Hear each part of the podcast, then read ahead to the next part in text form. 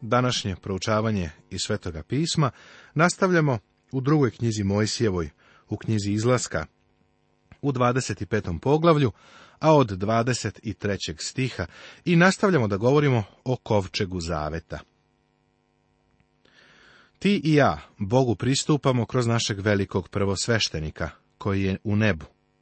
To je živi Hristos, koji je Bogu s desne strane. Kroz njega pronalazimo milost i pomoć. Mnogi vernici pokušavaju da se ovde na zemlji sami bore. Trude se da sami ispune životne potrebe. Prijatelju, ti i ja nismo u mogućnosti da to sami učinimo. Nismo dovoljno snažni. Potrebna nam je pomoć, a ne dozvoljavamo da nam Hristos da pomoć koju nam nudi. Pavle se molio za Efesce da u njima bude delotvorna sila, koja je Hrista vaskrsla iz mrtvih. Ovo je zapisano u poslanici Efescima u prvom poglavlju u 19. i 20. stihu.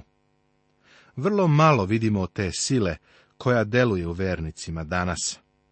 Treba da se verom oslonimo na nju, da joj se prepustimo, jer imamo prvosveštenika koji je Bogu s desne strane. Prvosveštenik koji je služio u ovom šatoru od sastanka, žurno bi ulazio u svetinju. Poprskao krv po poklopcu pomirenja i opet žurno izlazio. Hristos, naš prvosveštenik, kada je prineo svoju žrtvu, seo je Bogu s desne strane, a i danas je tu radi nas. Ovde dole je umro da nas spase. U nebu živi da nas održi spasenim. Treba da ostanemo u vezi sa njim. Da li si danas razgovarao sa njim? Evo, vidjeli smo delove opreme svetinje nad svetinjama, zavetni kovčeg i poklopac pomirenja. Sada ćemo razmatrati stvari koje su se nalazile u drugom odeljenju, u svetinji.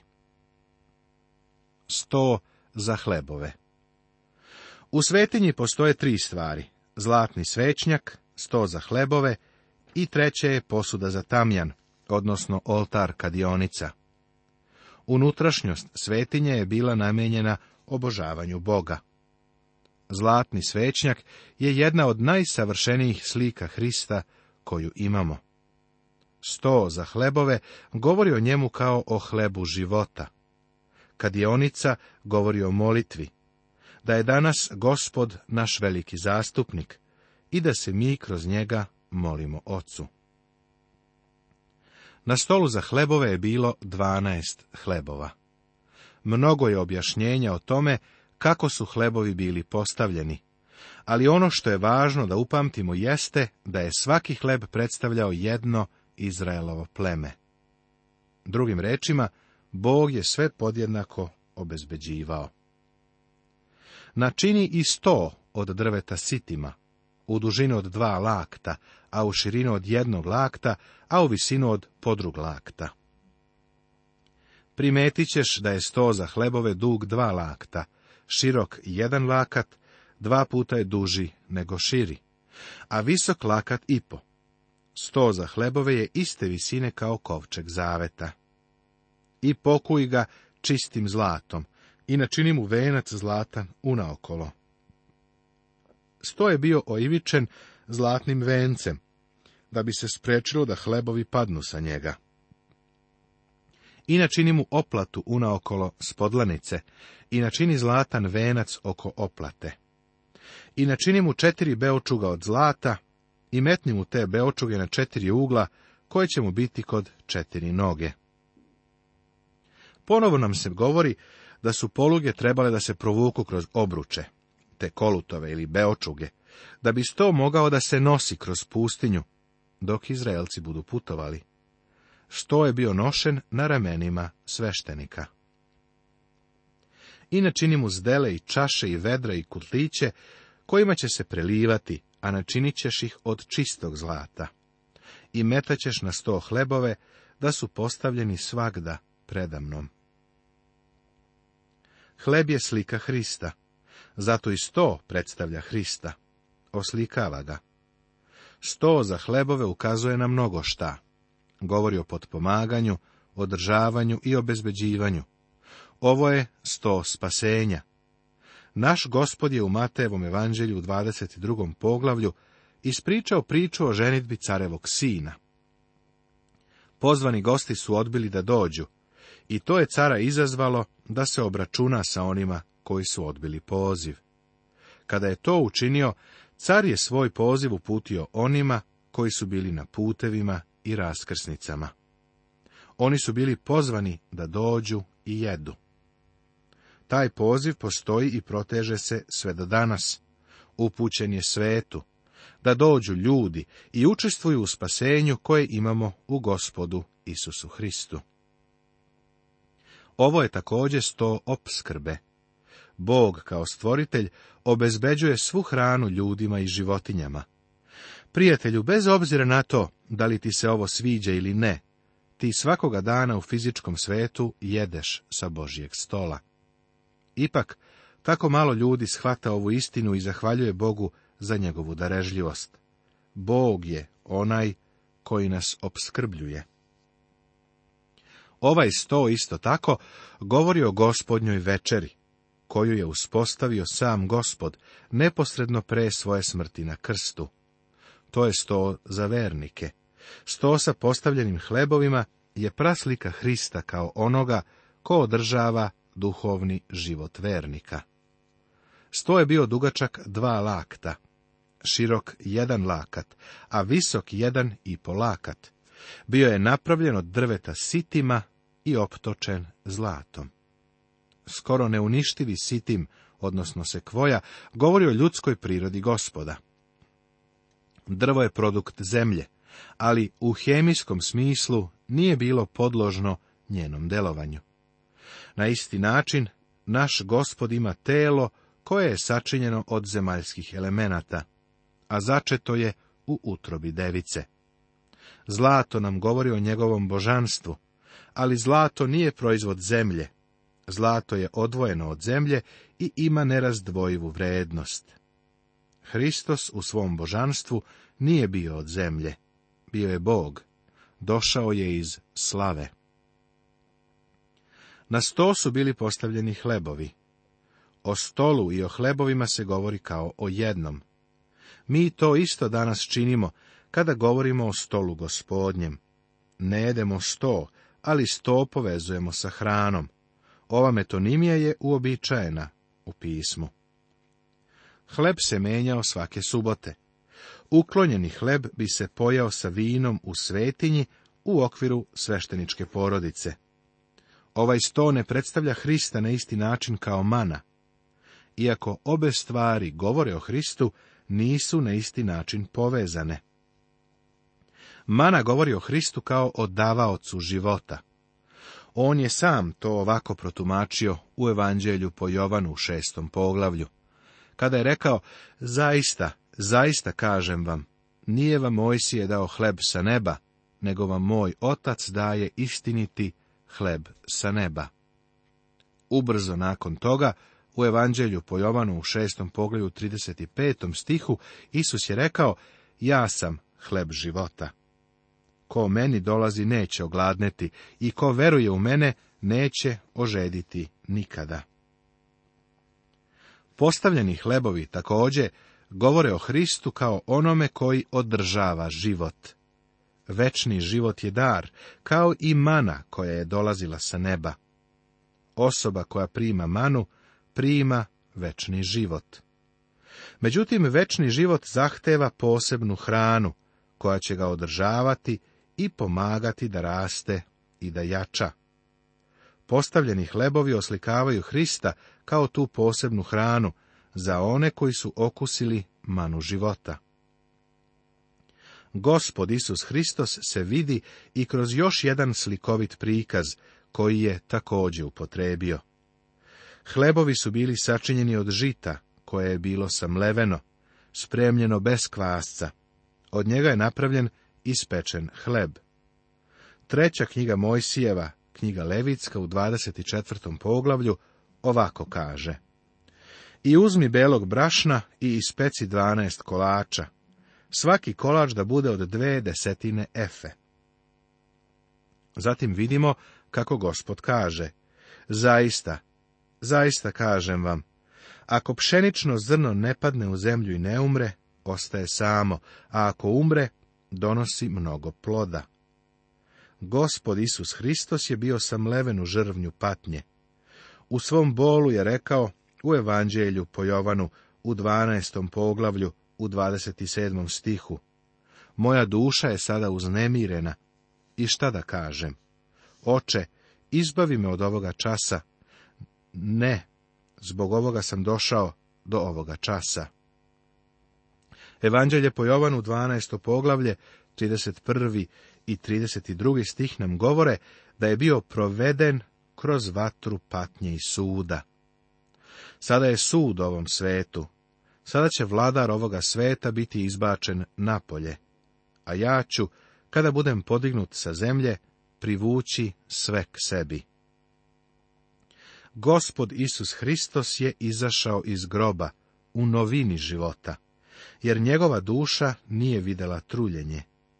Sada on živi život vaskrsenja. On je sada postavljeni hleb za vernike, kojim se oni hrane, da bi održali svoj život i obezbedili rast. Hrišćanin treba da se hrani živim Hristom. Hrišćanin treba da gleda na Hrista onakvog, kakav on danas jeste. Živ, sa desne strane Bogu. Isus Hristos je rekao, ja sam hleb života.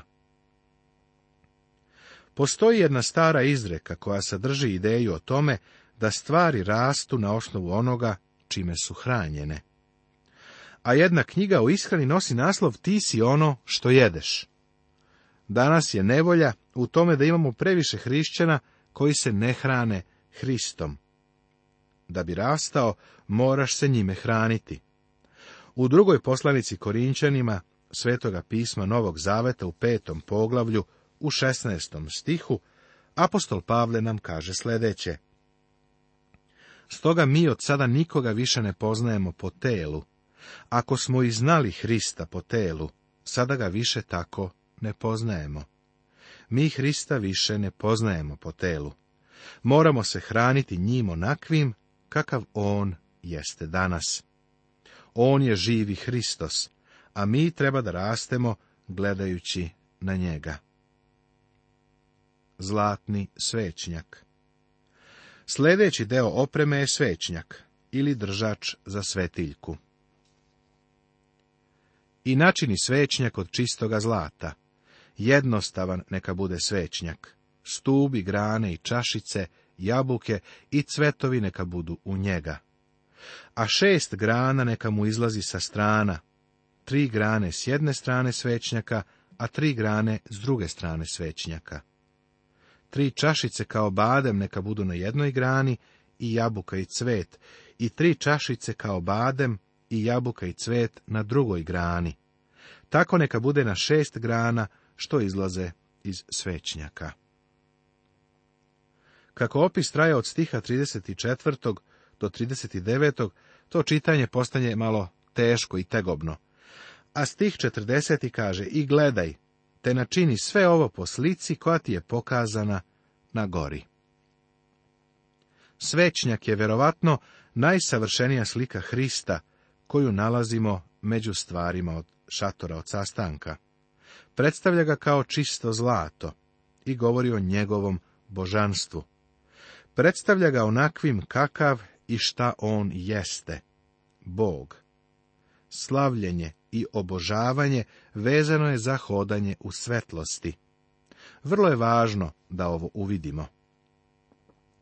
Proučavali smo postavljene hlebove i vidjeli da oni govore o činjenici da kada obožavamo Boga, moramo se hraniti gospodom Isusom Hristom.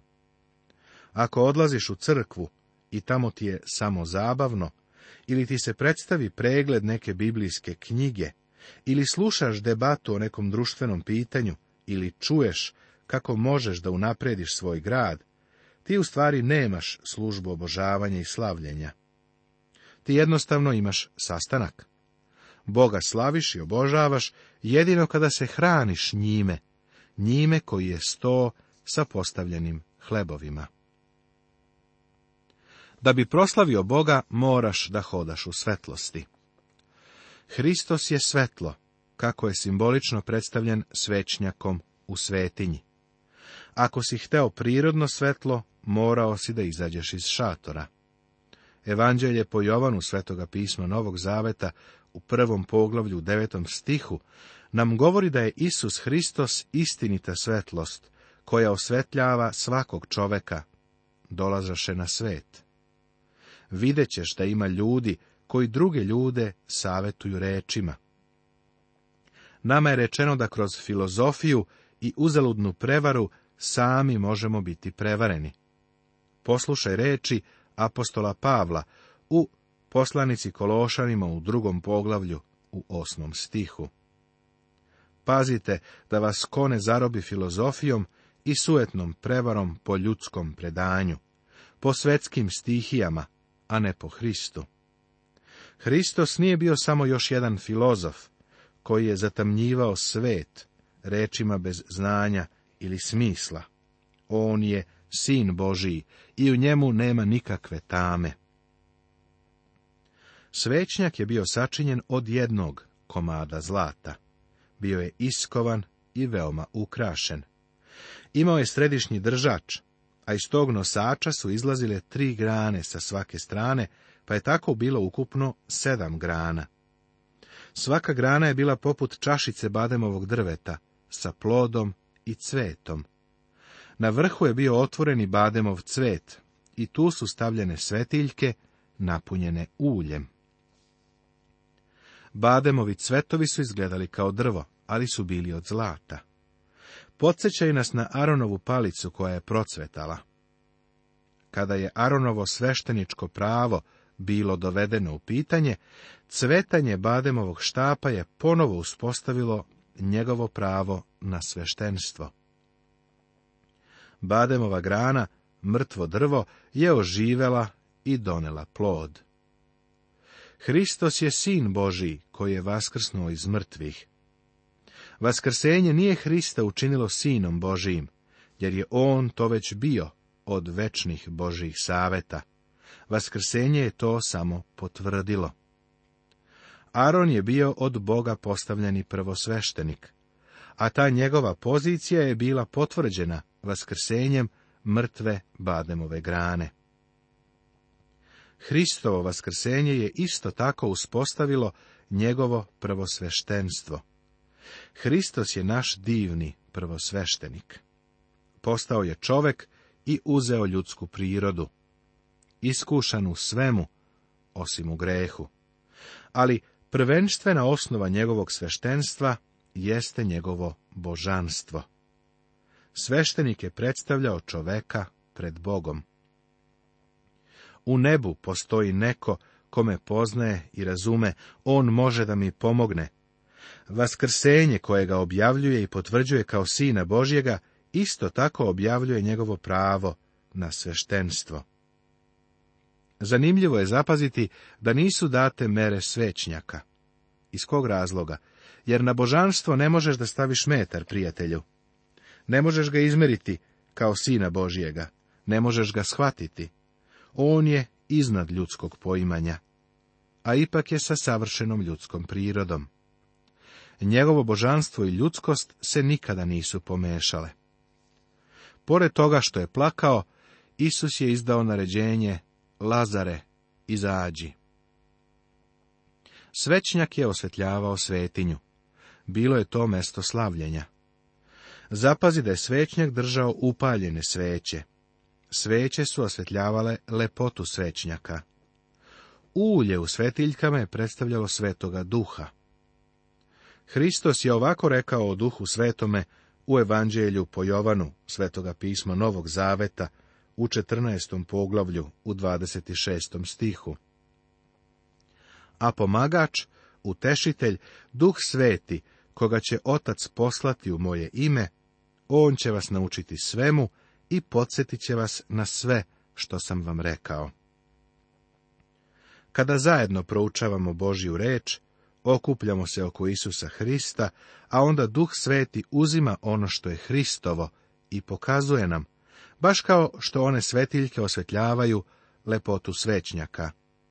Sveti Duh nam otkriva Hrista kao Sina Božijega, kao onoga koji je radi nas došao na zemlju i koji živi u nebu, da nas zastupa. Poštovani slušaoci, ovim smo završili 25. poglavlje druge knjige Mojsijeve, knjige izlaska. U našem sutrašnjem programu nastavljamo sa 26. poglavljem.